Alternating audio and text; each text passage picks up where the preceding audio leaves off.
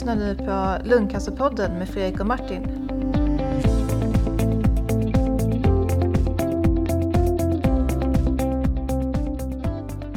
Hej och välkomna till Lungcancerpodden. Ja, eh, ny vecka och ny podd. För nu börjar det faktiskt bli så igen att vi är igång igen, eller hur Martin? Absolut. Ja, Du jagar på mig här. ja ja, just det. Med blåslampan. Ja, nu senast i helgen då kom jag hem från ESMO i Madrid. Och ESMO är alltså den här stora europeiska cancermässan för alla cancerformer. Eh, och eh, vi har varit tre stycken eh, delegater från, som är med i Svenska lungcancerföreningen också. Även om vi har varit finansierade från annat håll och inte av Svenska lungcancerföreningen. Så, så vi har varit nere i Madrid här över eh, helgen och eh, kört eh, sju till eh, sent på natten pass. häftigt. Jag missade det tyvärr. Det var tråkigt. Ja, det var ju Det hade varit kul att vara med. Ja, det var eh, otroligt bra och bra uppslutning i år. Det var 24 000 delegater, eller man ska säga, deltagare. Ja. Eh, Läkare, forskare, läkemedelsbolag, patienter eh, som har liksom samlats för att utbyta den senaste informationen om cancern och kunna ta med sig informationen hem och sprida vidare. Och det är det vi gör nu.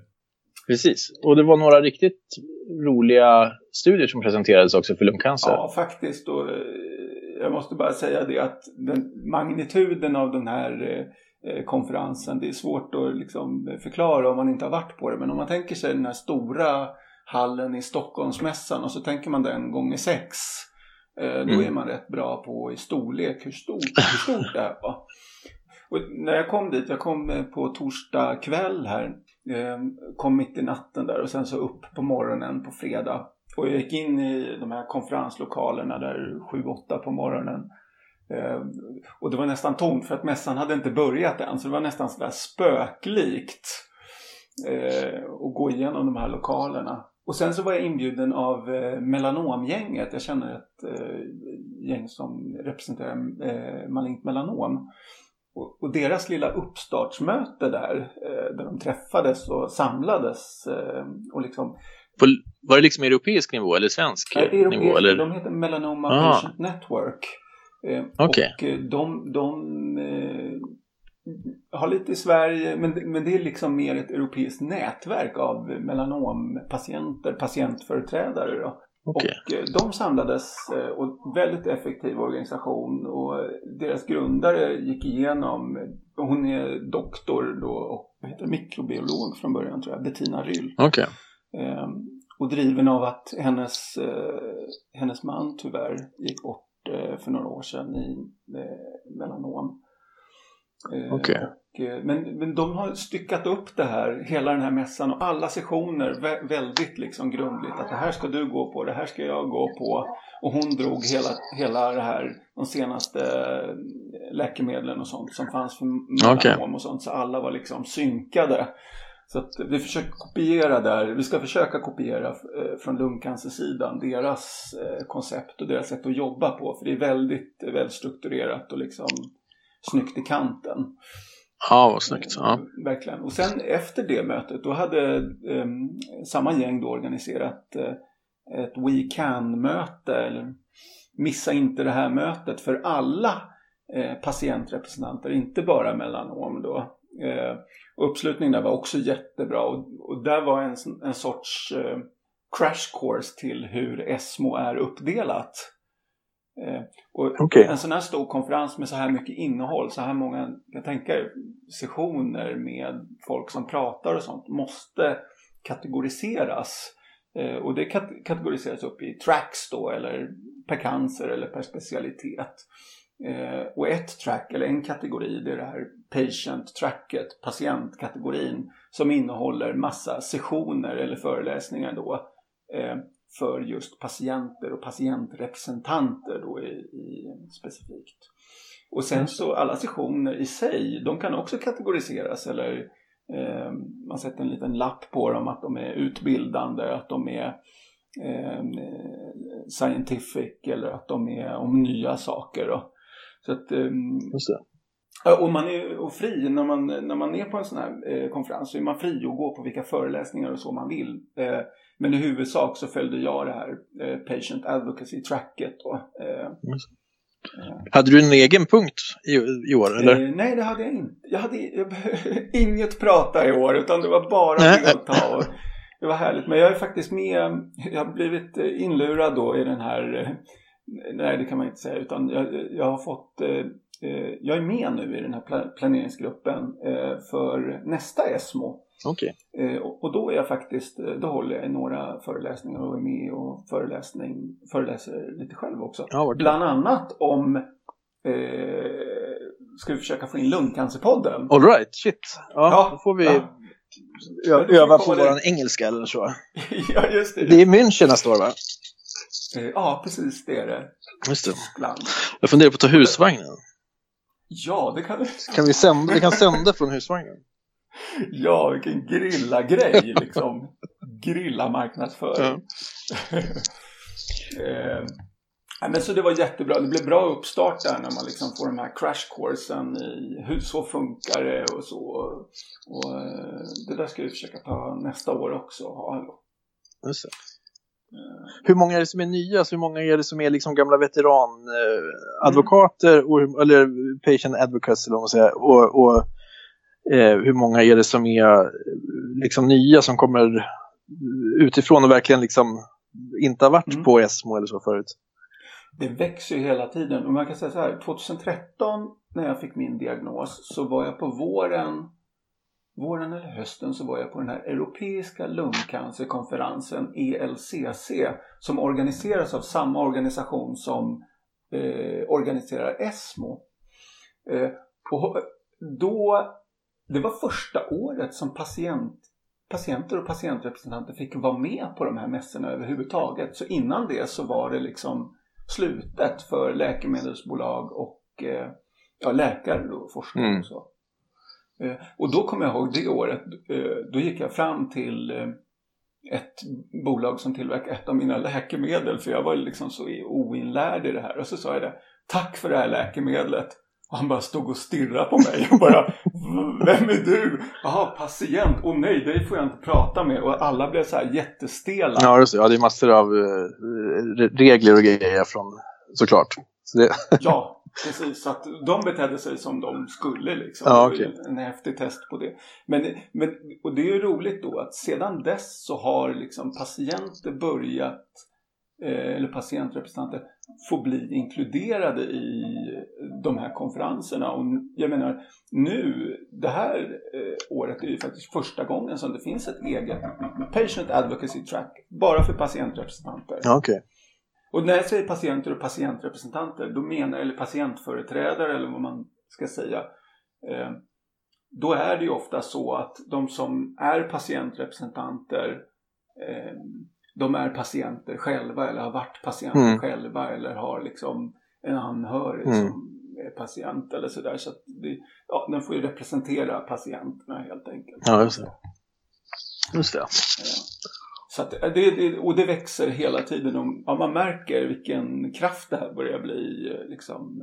Jo, men det, det, är ju som sagt eh, så många gånger tidigare också. Det är så otroligt viktigt att vi integrerar oss från professionen, alltså vi, vi doktorer och, och sköterskor som är involverade och sådär och sen så eh, de forskande företagen och patienterna. För att det är ju, alltså tillsammans så måste vi liksom skapa nätverk och hitta möjligheter till forskning och, och information till patienter och så, så jag tror att det är oerhört viktigt att man, att man har nära och löpande kontakt mellan eh, alla de här delarna som ju alla faktiskt till syvende och sist, även om man ibland har lite sådana här big pharma-kommentarer och sådär, men, men i grund och botten så är ju, tycker jag, det tycker jag är att man alltid får med sig från de här eh, kongresserna att liksom alla är ju så otroligt fokuserade som är där på att man ska fixa det bättre för patienterna. Ja. Sen är det naturligtvis så att eh, bakom kulisserna på de här stora kongresserna så, så har de ju massa aktieägarmöten och sånt där också. Liksom. Så det är klart att, att, de, de har, att det finns ekonomi i det hela också. Men menar, just de som är där, där, det är ju oerhört fokus tycker jag på att förbättra vården och hitta de här lösningarna som ska, som ska bli svaret på gåtan. Liksom. Ja, verkligen. Det, det, alla behöver jobba mm. åt samma håll och det Ja, det är en ynnest att kunna delta på sånt där och liksom känna att eh, den informationen som sprids där, att man känner att oj vad mycket jag har med mig hem nu mm. så jag måste försöka omsätta i liksom eh, konkret verkstad ja. så det blir någonting av det här. Det, det, blir verkligen ja, otroligt bra. Och jag kan tänka mig för läkare som kommer där och liksom ser de här nya pressreleaserna, mm. nya läkemedel eller ser en studie att aha, men gör jag sådär då kan jag mm. förlänga pro progressionsfri överlevnad eller liksom mm. vad det är. Absolut, Nej, men det, det är ju, om man tar med sig, liksom lägger pussel med de nya data och tänker ut liksom, vad blir nästa steg nu då? För att det är klart att vi är inte vid målet ännu, men, men när man ser till exempel då som, som jag misstänker att du kommer ta upp något, någon av de här studierna för adjuvant användning av, av eh, immunterapi till exempel så kommer ju det in på så många fler områden och det, det påverkar många fler patientgrupper än, inom lungcancer så att säga, än just där studien var. Alltså vi ser det kommer nytt hopp även där så att säga. Så att det, det, mm. det, det är jättespännande, otroligt eh, eh, häftigt. Verkligen. Och, och, och, eh, efter lunch då, om vi tar den här fredagen, då, då startade en, en session direkt som officiellt öppnade konferensen Eh, och, och, efter den, det var liksom en välkomstsession eller vad man ska säga och det var lite eh, utmärkelser och sådär. Eh, och efter, efter den sessionen då startade en, en ytterligare en session som eh, öppnade konferensen eller välkomnade alla patientföreträdare då. Eh, och där blev det lite crash course i att vad är patientföreträdare? Vad är viktigt för patientföreträdare? Och take home därifrån det var verkligen att ett kunna sin sjukdom eller liksom känna dem man representerar så att man vet vad man, vad man har att göra med. Mm. Två, att kunna sjuksystemet. Veta hur det här liksom eh, åtgärdas. Mm. Och tre, att veta vilka verktyg man har för att kunna påverka. Eh, och, och, även då att det är otroligt viktigt att vi som patientföreträdare, eller vi som patienter ska jag säga, är ju faktiskt att, att vi syns överallt och att eh, till exempel nere i labbmiljö eller att vi liksom syns så att vi, vi inte liksom bortglöms i någon del i vården eller att någon aldrig ser patienter. Och det, det, det tycker jag är så viktigt också att vi som lungcancerpatienter att vi verkligen tar plats i den där morgonsoffan eller där, där vi behöver ses så att inte någon annan cancergrupp tar det utan att det är lungcancer liksom. Jaha, tänker eh, någon morgonsoffa där. Nu ska vi prata cancer imorgon. Vad ska vi ha för cancersort? Då ska liksom lungcancer stå där. Att så här, bara, här kan du ta en patient som kommer och pratar och mm. liksom är bra att prata om det här. Mm. Det vill jag. Jo, nej, men jag håller med. Alltså, jag tror det är jätteviktigt att det blir åtminstone en spridning mellan cancersorterna så att säga. Sen, sen så är det klart att det finns ju det, det har ju huvud, fokus har ju legat på de här cancersorterna som har varit ja, drabbar de absolut flesta så att säga. Och det, det, det, tack och lov så har ju det fokuset också gjort att, att man har kommit fram ganska snabbt med, med, med väldigt bra läkemedel och bra behandlingsstrategier och så vidare. Men det är viktigt att, att de här som inte har synts så mycket tidigare, att de kommer fram nu också. Där har ju verkligen lungcancer sista åren eh, liksom gjort en enorm resa där, där, där, vi verkligen, som vi har tagit upp i flera tidigare avsnitt, och så här, har, har, legat lite efter tidigare. Vi har haft svårt att, att synas och eh, vi har haft svårt att få liksom en riktig eh, front utifrån att eh, patientföreningen har varit lite stapplig ibland och sådär. Men det har ju blivit en enorm skillnad de sista åren så, och det tror jag är jätteviktigt. Eh, och just att vi faktiskt börjar synas i morgonsoffer och, och på olika seminarier och sådär. Jag tror att det är jätteviktigt. Så det är ju liksom, men som sagt jag, jag tror att det är just att, att graserna sprids lite grann. Det tror jag är, så att, man, och att det blir ansikten för människor liksom att det här alltså, det är det här vi kämpar för. Det är det här vi allesammans måste ja, betala skatt för och göra menar, utveckla vården och, och se till att vi liksom ja, på ett solidariskt sätt eh, tar ansvar för det här på något sätt. Och det, just som du säger också nere liksom på lab, i labbmiljö, du har ju bland annat varit och hälsat på här hos våra patologer. Eh, människor då som kanske inte träffar patienter egentligen utan mera ser preparat i form av små tumörbitar och sådär. Eh, men just att du kan komma och liksom, de var ju otroligt tacksamma just för att få liksom det här, det är det här vi jobbar, alltså liksom, det är ju Fredrik och, och hans polare, det är de som vi liksom förbättrar vår, vår eh, teknik för och så vidare. Ja, alltså ni, ni läkare, ni i den här liksom läkarhuset eller man ska mm. säga patologer och inkluderar alla sjuksköterskor och sånt också. Det ni håller på med är någonting världens finaste får jag säga. För ni ger människor livstid. Mm. Ja, förhoppningsvis. Eller det är det vi kämpar för. Absolut. Ja. Och, det... och jag menar, vad, vad, kan vara faktiskt, vad kan, jag säger ju det varje dag att om jag hade bytt, lä- bytt yrke idag då hade jag blivit läkare. Det är ju faktiskt, alltså det är otroligt eh, eh, vilken skillnad att göra med sitt liv. Att verkligen, ja, göra skillnad för andra. Det är otroligt, otroligt fint tycker jag.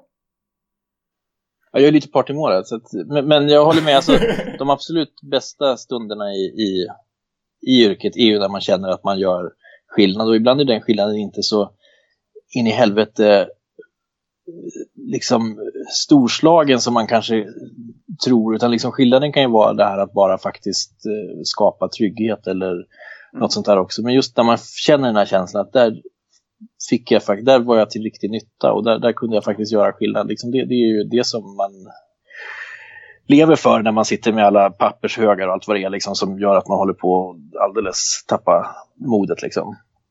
Yeah. Och jag, precis, jag, jag, förstår det. Och vad, vad, visst, det var som i en session, bara för att gå lite i förväg.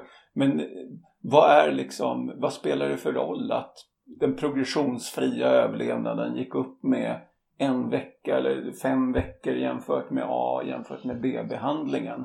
Mm. Ja, för den, som, för den som förväntar sig att leva tills de är 150, då spelar det absolut ingen roll de där fem extra veckorna. Men för den som inte förväntar sig att leva tills den är 150, mm. lite kortare eller sådär, mm. då då kan man göra väldigt mycket med fem veckor. Mm. Jag skulle säga att en dag är av jättestor betydelse för liksom den som bara har en dag. Det är, det är verkligen det är från betraktarens perspektiv. Mm. Jo, där är det ju Så. en oerhörd viktig roll som patientrepresentanterna har att spela just för att trycka på det där. För att det är ju så lite grann, och så är det ju allmänmänskligt på något sätt, att de som inte har drabbats av, av cancer, de tänker ju att det kommer aldrig hända mig.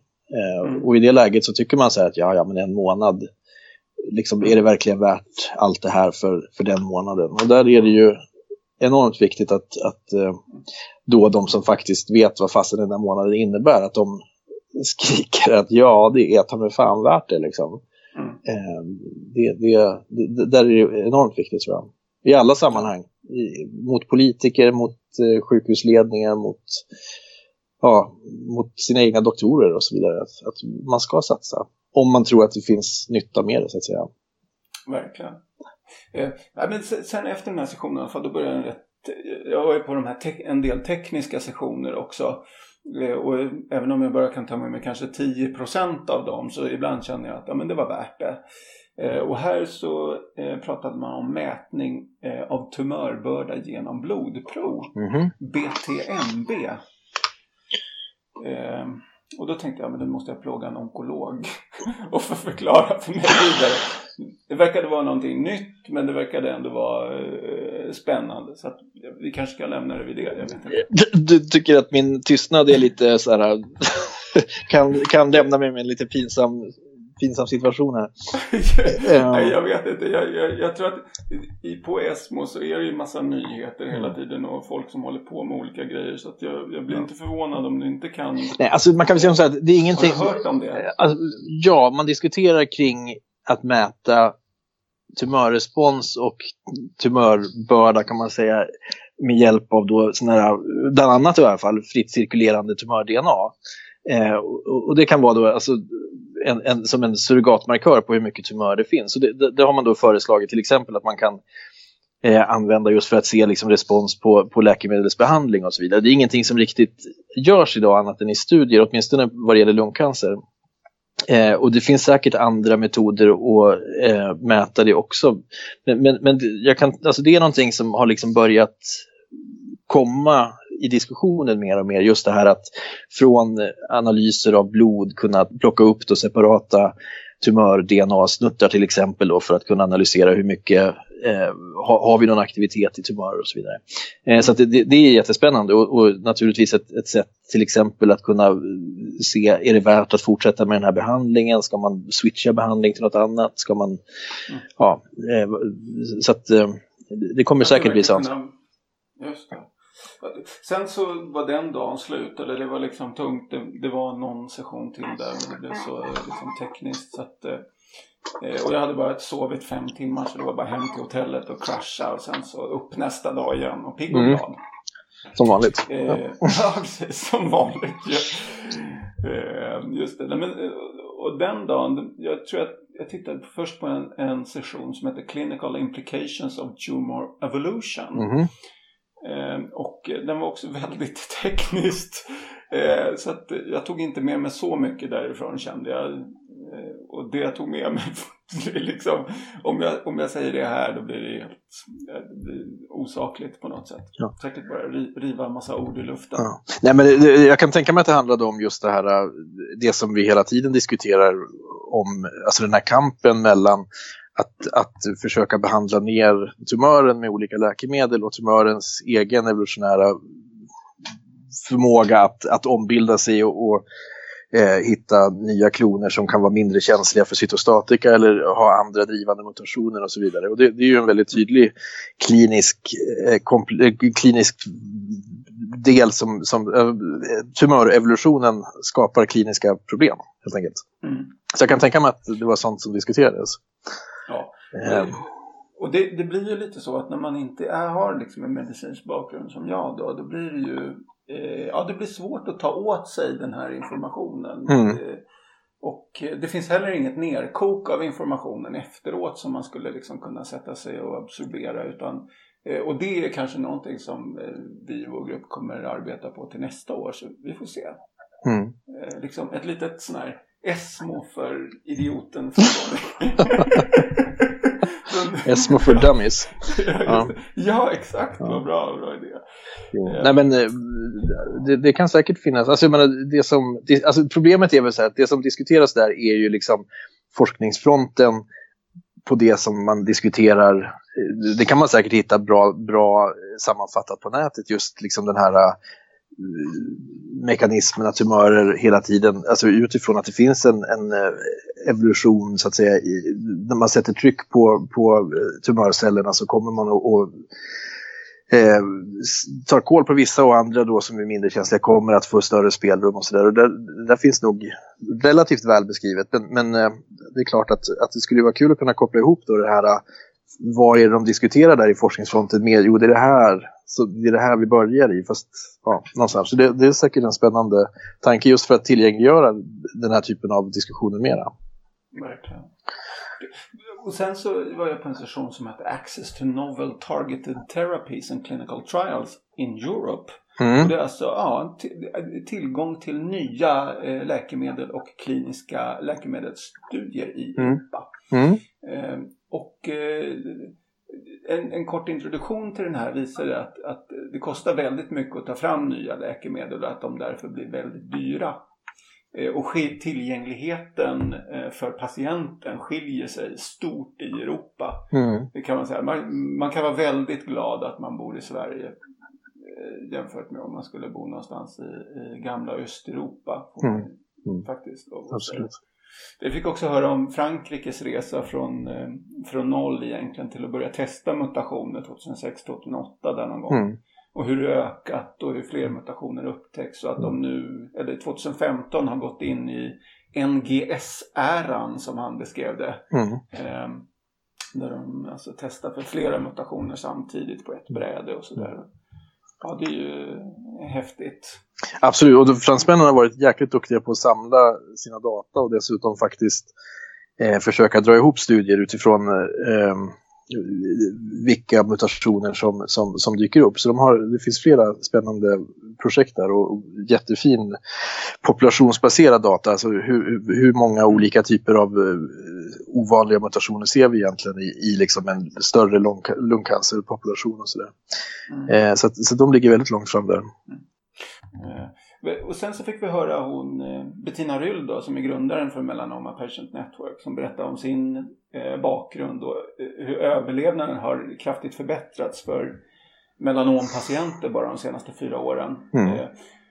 Dels har de gått i fronten för immunterapi och dels så är det ju också för att 50% av melanompatienterna har samma mutation, BRAF. Just det. Så att, och i lunggänget där vi hänger, där är ju 3 alk och så är det ja, 6 mm. EGFR eller vad det är, det skiljer lite. Men, men det är ju ändå, melanom har ju ändå haft det att eh, många haft samma mutation. Där, mm. Precis, och där, för lungan då så är det väl eh, typ runt en procent eller någonting som har BRAF-mutationer. Mm. Eh, och, eh, men, men där man också har visat eh, väldigt lovande data och det är godkänt faktiskt i Europa, BRAF-behandling nu eh, för lungcancer också. Jaha, ja, så att, eh, och det är ju en, en av de här eh, sakerna som har hänt tack vare den här NGS tekniken att vi får BRAF-mutationer, eller det är en specifik BRAF-mutation egentligen som heter V600E som är av intresse och som, som är behandlingsbar. Mm. Men, men, så att det är ytterligare en av de här som kommer in som de här behandlingsbara mutationerna inom kort. Mycket bra. Ja. Mycket bra. Eh, och sen så nästa del i den här sessionen det handlade om eh, generics eh, och repurposing. Att man kan, kan ta ett läkemedel som är framställt från något annat att använda det till en annan sak helt enkelt. Mm. Så en huvudvärkstablett som inte funkar kanske visar sig vara bra för magen eller någonting. Det var också det var en, en del forskare som höll på med just det.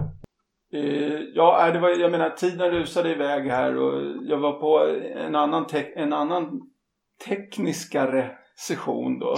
Som, så nu får du rätta mig för det här kommer bli helt fel.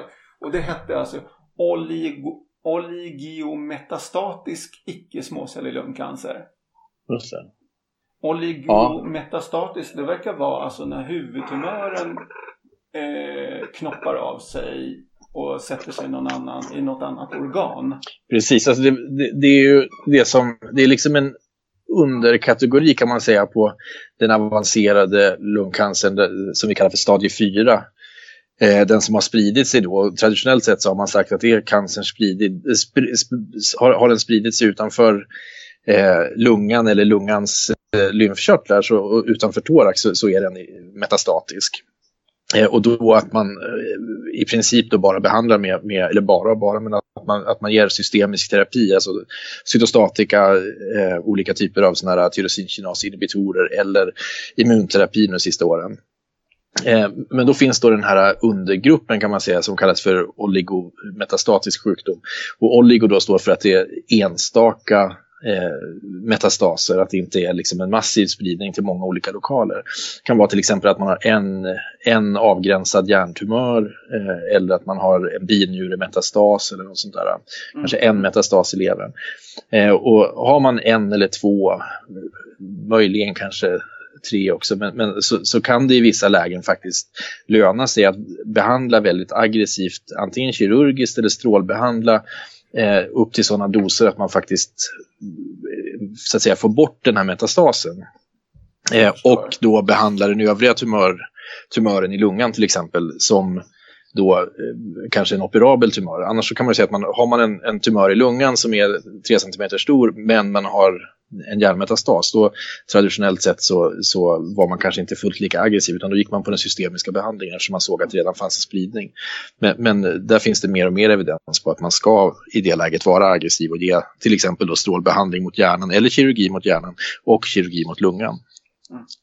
Och eventuellt kanske kombinera det sen också med ytterligare cytostatika eller så eftersom man vet att i och med att det finns en spridning så är risken naturligtvis väldigt stor att det finns på andra ställen också, bara det att man inte ser den än. Så det där är ju det är klart att det är alltid ett dåligt tecken att ha en spridning. Eh, vare sig det är lymfkörtlar eller, eller eh, andra organ. Men eh, ja, det, det, finns tydliga data som visar att man ska vara aggressiv. Precis, det var ett nytt begrepp för mig i alla fall. Men okej, men oligometastatik, det får man ju lägga på min. Alltså begränsad, sprid, begränsad metastasering. Ja, precis. Ja. Eh, sen nästa stopp, då blev jag intervjuad av en liten eh, sån här, ja, man skulle, jag skulle göra en film liksom och man får berätta om sig själv och bla bla bla vad man håller på med och den landar någonstans på internet. Mm. så är det ibland. Och sen så skyndade jag iväg till immunterapisessionen för patientrepresentanter. Dessvärre är den här sessionen redan proppfull så att mm. det, har, det blir en riktig hit alltså. Så att det är både läkare, onkologer, forskare och allt möjligt som vill gå på vår eh, session. Så att mm. det öppnas ett så kallat spillover-rum. Okay. Där fler människor får gå in och det får inte heller plats. Eh, så att, eh, och i det här spillover-rummet då får man sitta med hörlurar och det är inte så jättekul att liksom, sitta och lyssna på en freestyle. Så att jag beslutar mig att titta på den vid ett senare tillfälle. För Eh, efter den här eh, mässan så kommer man åt alla presentationer på internet också. Ja, men det, jag menar, det är ändå lyckat med så många deltagare till en patientsession. Det var alltså mm. över 1400 deltagare eller något sånt. Ja, ja. Nej men visst, och det säger ju lite grann om, om den här äh, enorma förhoppningen som finns kring immunterapin och, och de, mm. den potentialen som finns där. Men, nästa session det är en sån här så kallad presidential symposium eh, och det går varje dag. Och det är liksom, vad ska man säga, huvudsession, huvudsessionen, kan man säga det? Mm. Som, eh, Lite de samlar ihop det tuffaste och mest lovande. Ja. Eller, ja. Eh, och ofta laddade med mycket bra information. Bland annat får vi se några studieresultat inom lungcancer och ser nu ljuset då av ytterligare en immunterapi som är på väg in. Mm. Och, ja, det är ju jätteglädjande att det eh, kommer in fler spelare. Mm. Precis, och det, det, var ju den här Pacific-studien misstänker jag att du syftar på då. Mm. Ja, eh, där man då har givit till eh, patienter som, det har vi diskuterat då, de olika behandlingarna i olika stadier, men de, de patienter som då har en inoperabel tumör på grund av att man har spridning till lymfkörtlar i bröstkorgen. Alltså mm. inte spridning utanför bröstkorgen. Eh, de har man ju då traditionellt sett givit eh, behandling med så kallad radiokemo. Man, att man kombinerar cytostatika och eh, strålbehandling upp till höga doser. Eh, för, med, med hopp om att få bort all tumör från, från både lunga och, och lymfkörtlar. Eh, tyvärr så är det så att behandlingen är ganska tuff och eh, det är relativt många som återfaller efter den här behandlingen. Eh, man kan väl säga att det rör sig om kanske sju av tio eller så som får återfall. Eh, och eh, där behövs ju naturligtvis någonting som ska förbättra möjligheten att, att hålla sig fri från sjukdom, dels så länge som möjligt men också naturligtvis få bort all sjukdom. Och där kom det då resultat från den här studien som kallas Pacific-studien som vi tyvärr inte har deltagit i här i Uppsala men eh, den har gått eh, över hela världen och där har man då givit eh, en sån här PDL1-hämmare motsvarande de här som redan är godkända då. Eh, som heter Infinity tror jag. Eh, och eh, den har man givit efter att man har givit radiokemoterapi och, och sett jättefina resultat på en stor skillnad mellan de som fick immunterapi och de som inte fick det. Så det, det, är många som talar om att här kanske vi har liksom en ny standard of care, som man säger. Att, att mm. det, det, här är det som vi ska börja med så fort vi bara får godkännandet. Um, det, det verkar som det. Ja. Ja, otroligt roligt att det liksom kommer in nya spelare. Och, mm. och det är även så att det blev en ny TKI då för EGF. Ja, precis. Det, det, var, var, misstänker jag att du syftar på den så kallade Flaura-studien. Den här studien där man, där man testar den här tredje generationens EGFR, TKI, osimertinib, alltså Tagrisso kallas den. Eh, man studerar den i första linjen, alltså att istället för Exakt. att man använt den som vi har gjort hittills, att den var utvecklad för att, att kunna eh, vara effektiv på en av de här resistensmutationerna som man utvecklar när man behandlar med de tidigare generationernas läkemedel. T790M kallas den här resistensmekanismen. Eh, och då har man sett att den har jättebra effekt på det Eh, och man har redan fått ett godkännande då på att behandla patienter med eh, då det här läkemedlet osimertinib på patienter som har fått en resistensmekanism på grund av den här T790M-mutationen. Men nu har man då testat att ge eh, osimertinib direkt istället vid, vid, vid diagnos. Eh, istället för att ge någon av de här lite äldre preparaten. Och sen så har man då sett hur ja, hur, hur konkurrerar det, gamla, det äldre preparatet med, med det nyare preparatet. Det där såg man då att det var en jättestor eh, skillnad i, i, i eh, det, det vi kallar för progressionsfri överlevnad, alltså innan, innan sjukdomen hitta någon sån här resistensmutation eller något annat sätt att, att bli okänslig för läkemedlet. Och då kommer nu diskussionen vara, är det så att man ska behandla med det här osimertinib redan i första linjen eller ska man behandla med först då det här, ett av de här äldre preparaten och sen så invänta en sån här T791-mutation och då sätta in osimertinib. För då kan man ju tänka sig att man med en sekventiell behandling kan ytterligare förlänga möjligheten till eh, svar på tumören. Det där, det där blir ju väldigt eh, spännande att se hur man, hur man eh, resonerar där. Och det, det är svårt, det, det är lite grann den här osimertinib är väldigt vältolererad. Du har ju testat lite alla möjliga Ja, ja precis. Jag kör, ju faktiskt, jag kör ju faktiskt den nu. Just det, och, och, om du jämför den med tidigare Ja, om jag jämför den med jag, jag, jag, såg ut som pizzaansiktet eh, faktiskt när jag gick på uh, tidigare generationer av TKIer. Mm. Uh, och fick väldigt liksom stora biverkningar och var tvungen att gå på antibiotika. Och nu i princip har jag ju inga biverkningar, vilket, eller lite, men, mm. men liksom inte Eh, inte för min del då. Och, men det är klart man kan... Det är, det är väldigt individuellt, va? Men, men, generellt så kan man säga att, att din erfarenhet stämmer väl väl överens med de studiedata som har kommit. Att, att osimertinib den är väldigt specifik och, och har eh, mer effekt på just de här muterade receptorerna än vad den har på kroppsegna receptorer. Därför får man mindre biverkningar. Och då är det liksom ett, någonting som talar för att kanske använda det så tidigt som möjligt. Å andra sidan då så kanske man riskerar att stå när, när man så att säga ändå har utvecklat en resistens på osimertinib så, så vet vi inte vad vi ska behandla med därnäst så att säga. Å andra sidan så är det bara ungefär 50-60% som utvecklar den här T791-mutationen eh, på första eller andra generationens läkemedel. Och då, om det är så att man så att säga, tänker att man ska behandlas frekventiellt och sen inte utveckla den, då har man ju missat chansen till den här eh, fina resultatet med, med osimertinib. Så det där, det där kommer bli en jättesvår nöt att knäcka. Så där tror jag att vi doktorer och, och, patienter får sitta och diskutera tillsammans vad man prioriterar och, och eh, ja, hur, hur, man ska se på det så att säga. Och sen så kommer naturligtvis regulatoriska myndigheter och så vidare komma ha sina synpunkter i det hela också, det måste vi följa. Men eh, huvudsakligen ser det just den här frågan, ska man sekvensera eller ska man ta liksom, det vassaste direkt?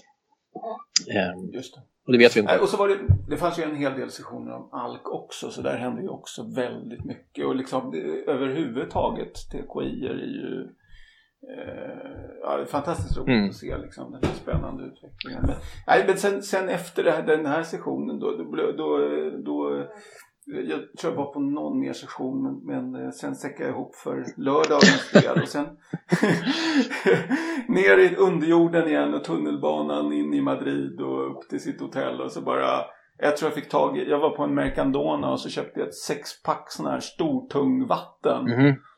Eh, och sen så en, eh, en, en fulmacka med med sån här mjukost och lax på. Och sen så satte jag i mig den och sen bara somnade jag. mm. ja, man blir ganska tagen. Alltså. Det, är, det är mycket information. Man sitter och, och lyssnar på ganska teknisk, tekniska dragningar på andra språk och ibland ganska så rejält bruten engelska. Och så där. Alltså, det är, man, ja. man hjärnan är som havregrynsgröt ungefär när man kommer hem på kvällarna ja. tycker jag. Det är som när man gick i plugget när man var liksom yngre där. Mm bara sitta och bli manglad. Liksom. Mm. Det, är, det är tufft. Jo. Eh, men det är roligt sen och jag, försöker, jag har försökt liksom sammanfatta varje dag då, så att ja, ni ska få, få hänga med på det här ändå lite. Även om de som inte kunde vara där då.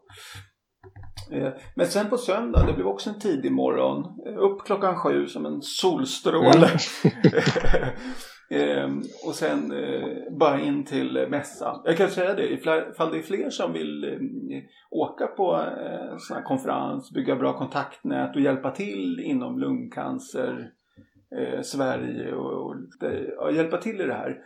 Eh, så, så eh, är man välkommen att kontakta mig eller sådär. Så, för att eh, ESMO utlyser varje år resestipendier och, och Eh, ja, man, man, får bidrag att åka dit och, och, samla information, ta med sig hem och, och försöka göra bra saker helt enkelt. Mm. Eh, men första sessionen, den på söndagen, det var faktiskt om immunterapi och inte bara tekniska termer då. Jag tror första talaren han menar att vi just nu är inne i ett paradigmskifte. Att inte bara hålla på med just målinriktad behandling, alltså behandling mot EGF eller ALK, utan att man även har behandling som använder ja, immunsystemet för att utrota cancer. Mm. Och sen så presenterades även, eh, presenterade han även en slide om eh, sambandet eh, eller icke-sambandet med inflammation och nya mutationer.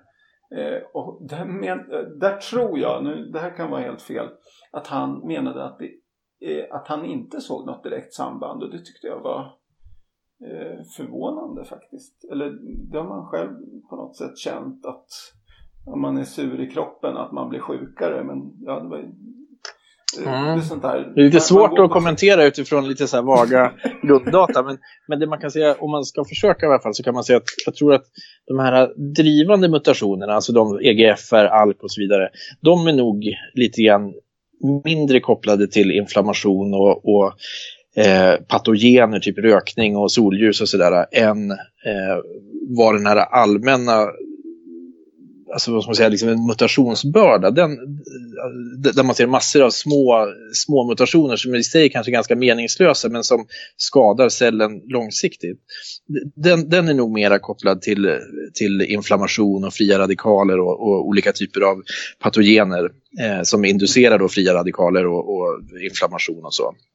Jag skulle kunna tänka mig att det är något sånt som man eh, syftar på, kan jag tänka mig. Men... Det är svårt att, liksom, eh, bryta ner det här som icke-medicinskt kunnig utan man får liksom ta snappa det man kan. Ja. Liksom. Och så får jag plåga dig efteråt. Precis. det är bra för jag tränar mina stackars gamla hjärnceller. Ja, det är bra. Nej, men han var även av uppfattningen att biomarkören PDL1 som man använder för att liksom, eh, ja, bedöma om man ska ge immunterapi inte, eller inte inte är så där himla bra. Eh, utan att det i, i vissa lägen skulle kunna vara bra att överväga att behandla först och sen ta beslut efter ett tag. Men, ja. ja. Nej, men och, och det är ju också någonting som hela tiden, det, det, är ju liksom en diskussion som pågår hela tiden och där eh, har han rätt så tillvida att PDL är inte den eh, optimala markör men det, det, det, är det bästa vi har i nuläget. Eh, och sen så kommer det komma flera markörer, bland annat då det här som kallas för eh, tumor mutation burden. Eh, där, så där man mäter liksom en total eh, mutationsbörda i tumörerna och så där som korrelerar också med, med svar på immunterapier och så. Eh, så, så det kommer komma massor av olika typer av biomarkörer tror jag för immunterapisvar och just när vi lär känna mer också interaktionen mellan tumör och immunförsvar och själva immunförsvaret i sig, hur det interagerar med, med, med egna antigenpresenterande celler och så vidare, så kommer vi, vi kunna styra behandlingen mycket mer på sikt. Sen nästa talare, den, eh, hon talade om makrofager. Eh, och det vad jag förstår en sorts immunceller. Mm. Eh, och och eh, sen pratade hon om CAR-T-behandling mm. och leukemi. Och det var alltså en sorts terapi där man tog ut patientens egna eh, immunceller och sen så tjackar man upp dem och sen återför man dem till patienten. Precis. Så att de ska gå loss på cancern. Mm. Och det är jättespännande och någonting som diskuteras inom flera och fler diagnoser också. Det är framförallt då de här blod, blodmaligniteterna som har visat på oerhört lovande och imponerande resultat än så länge. Eh, men, men, det kommer nog komma inom många fler tumörtyper också. Eh, det är en ganska komplicerad teknik, men menar, allt som vi tycker är komplicerat idag brukar gå, det tar fem år så är det liksom någonting som får plats på ett skrivbord och, och man gör det liksom mer eller mindre... I garaget? Ja, men i princip liksom. Alltså, ja, ja, men det där löser sig. Så att, så att man, man ska liksom inte bli alltför skrämd av det som nu ser komplext ut så att säga. Utan det, det, brukar vara det minsta problemet så att säga. Eh, och nästa föreläsning den var lite mer sådana här mjuka frågor och det var om eh, patienter och kliniska studier då igen. Eh, in, intressanta frågor som vad är livskvalitet och vem kan avgöra det? Eh, och då var det alltså ett exempel på en 44-årig frånskild mamma eh, som hade fått eh, leukemi. och hennes mål det var att förenas med sina döttrar som har valt bort henne och istället valt att bo hos fadern. Det var hennes mål i livet och hellre än då att ta en risk i en tuff klinisk studie. Mm. Mm. Ja, sånt där tycker jag liksom det ger en... Eh, ja, man börjar fundera liksom, vad är, vad är meningen med livet? Mm. Och det blir liksom filosofi av det mm. hela. Ja. Eh, en, en annan anekdot var att eh, vissa, att, att man ibland kan liksom se ett klinis, en klinisk studie som att hoppa ur ett flygplan med en ibland tveksam fallskärm. Eh, än att vänta på att planet ska störta in i en bergvägg. Ja, jo, och det är väl en ganska bra liknelse kanske. Eh, eller, att, eller att man i princip kan säga att om man stannar kvar i planet så precis så, så kommer man och piloterna har redan hoppat liksom. Ja. Eh, då, då, är det kört och sen så har man två eh, två stycken fallskärmar. En fallskärm som man vet funkar sådär och en fallskärm som någon entusiastisk typ har sagt den där är med ganska stor sannolikhet faktiskt bättre. men det kan vara sämre. ja, nej, men jag menar, och det, det, är lite grann det vi är. Alltså, jag menar, eh, och det är ju så när vi diskuterar studier med, med, dels med kollegor och dels med företag och så vidare. För det är många företag som eh, vi, vi hjälper ju företagen att göra sina studier så att säga. Det, det är ju eh, som sagt det är ju enormt komplext och, och, stora investeringar där att skapa en studie med allt, allt vad det innebär. Um, men, men, där är det ju det är ju liksom det som är på något sätt den grundläggande frågan. Har det här potential att göra har, jag poten, har, har den här studien potential att erbjuda någonting som är lite bättre? Finns det möjlighet att de patienter som tackar ja till det här faktiskt kan ha en lite större chans att, att få bra livskvalitet, leva, leva lite längre eller förhoppningsvis mycket längre så att säga. Eh, men samtidigt och, och överväger den förhoppningen, så att säga, den risken som man utsätter patienterna för att de kanske faktiskt får en sämre behandling eller att de får en behandling med mer biverkan och så vidare.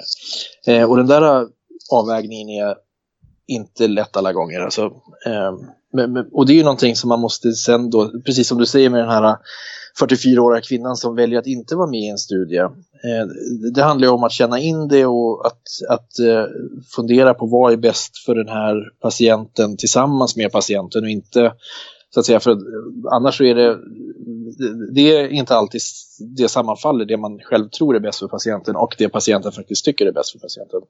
Så det gäller att diskutera igenom. Eh, sen var det en, eh, en mer teknisk studie eh, och eller teknisk föreläsning.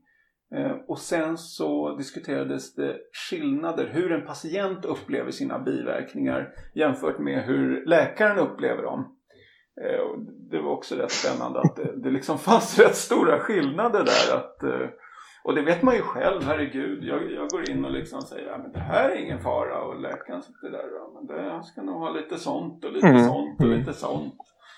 Och, och, ibland kan det vara tvärtom. Det, Ja, det är svårt det där kan man tänka sig. Att... Nej, oerhört svårt är det. Oerhört svårt. Jag menar, det har ju varit ett problem då till exempel med de här immunterapierna som ju har relativt få biverkningar men om de har biverkningar så kan de bli väldigt allvarliga. Eh, och I början framförallt så var det ju så att vissa patienter nästan var rädda för att, att nämna biverkningar. För risken var då att man kanske inte skulle få fortsätta med behandling eller så för att, ja, just för att risken var att man kunde få farliga biverkningar.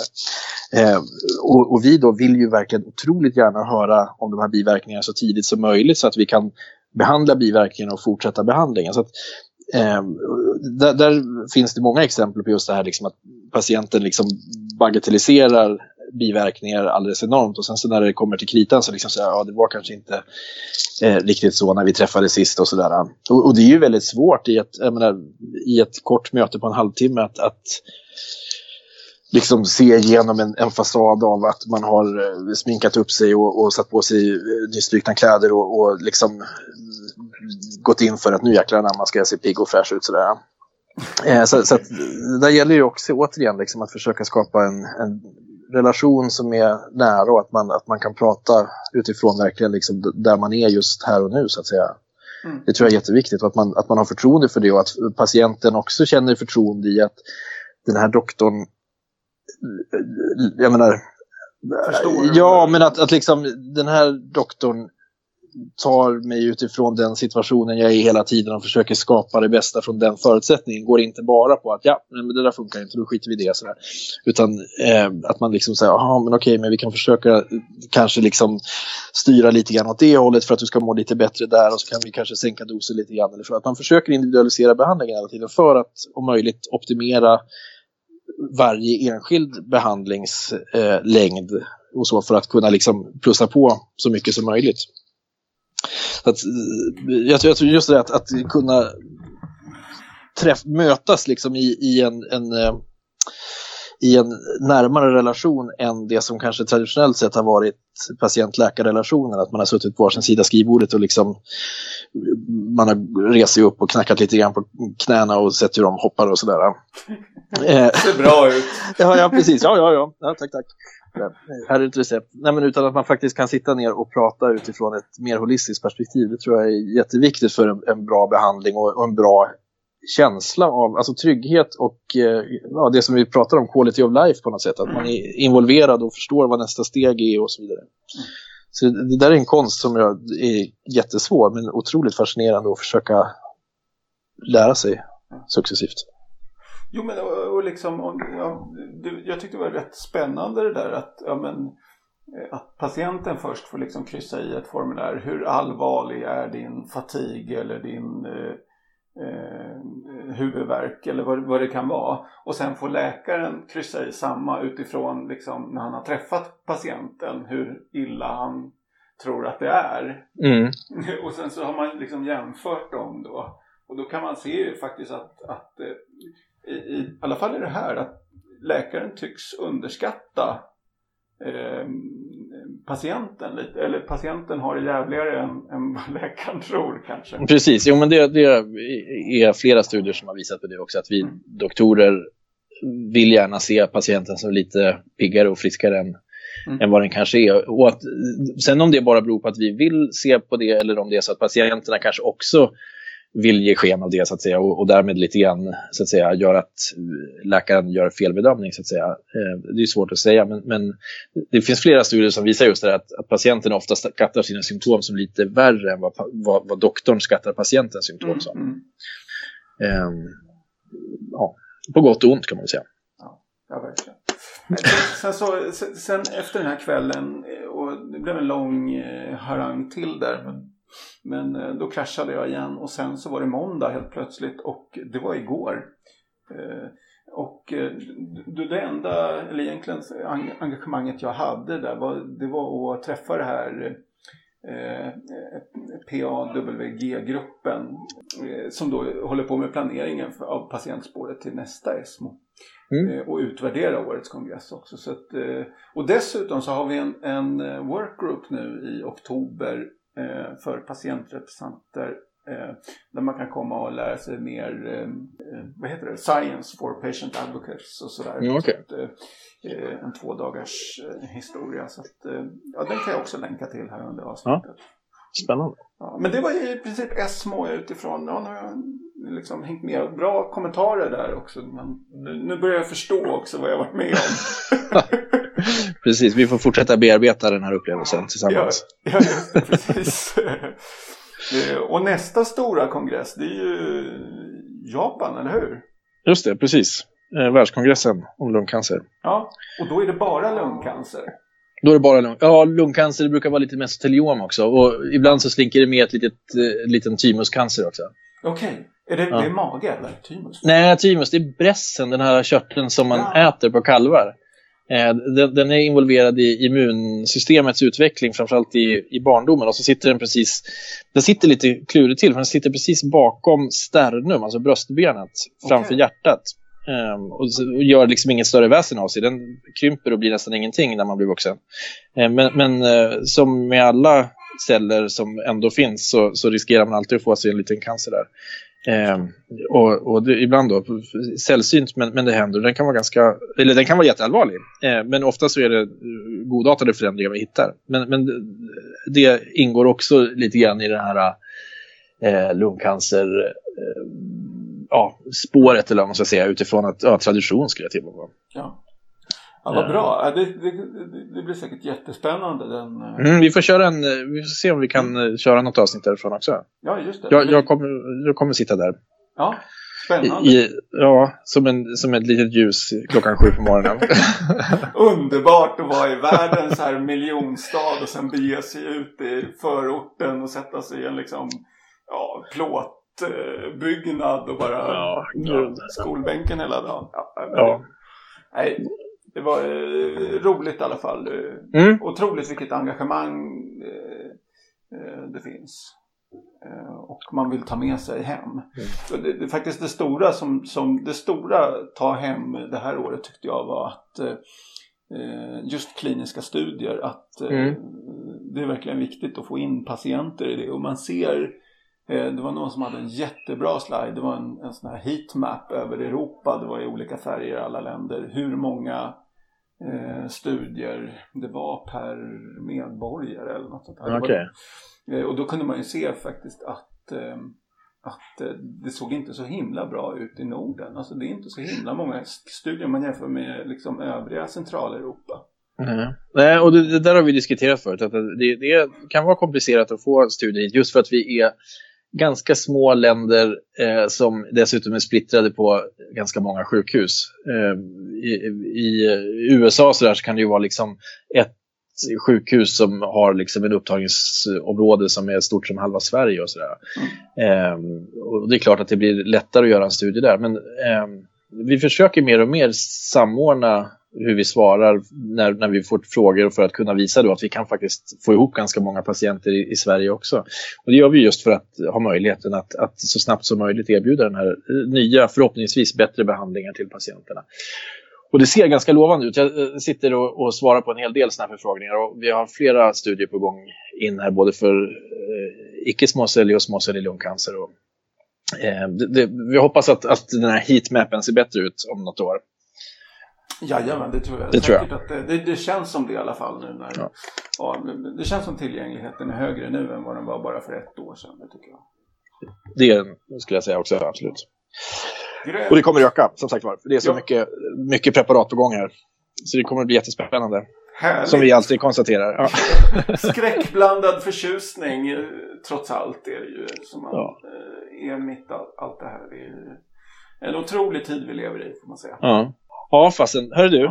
Ja. Kanon att du kunde rapportera från Esmo. Jag får ta, ta stafettpinnen nu och köra världskongressen.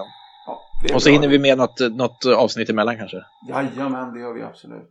Super, tack för idag. Tack för att du eh, hade tid att kommentera. Ja, och tack själv. Och, och, tack alla som har lyssnat. Ja, tack så mycket. Hej. Kanon, hej. Tack för att du lyssnade på Lungcancerpodden med Fredrik och Martin. De senaste avsnitten hittar du alltid på lungcancerpodden.se eller i din podcastapp.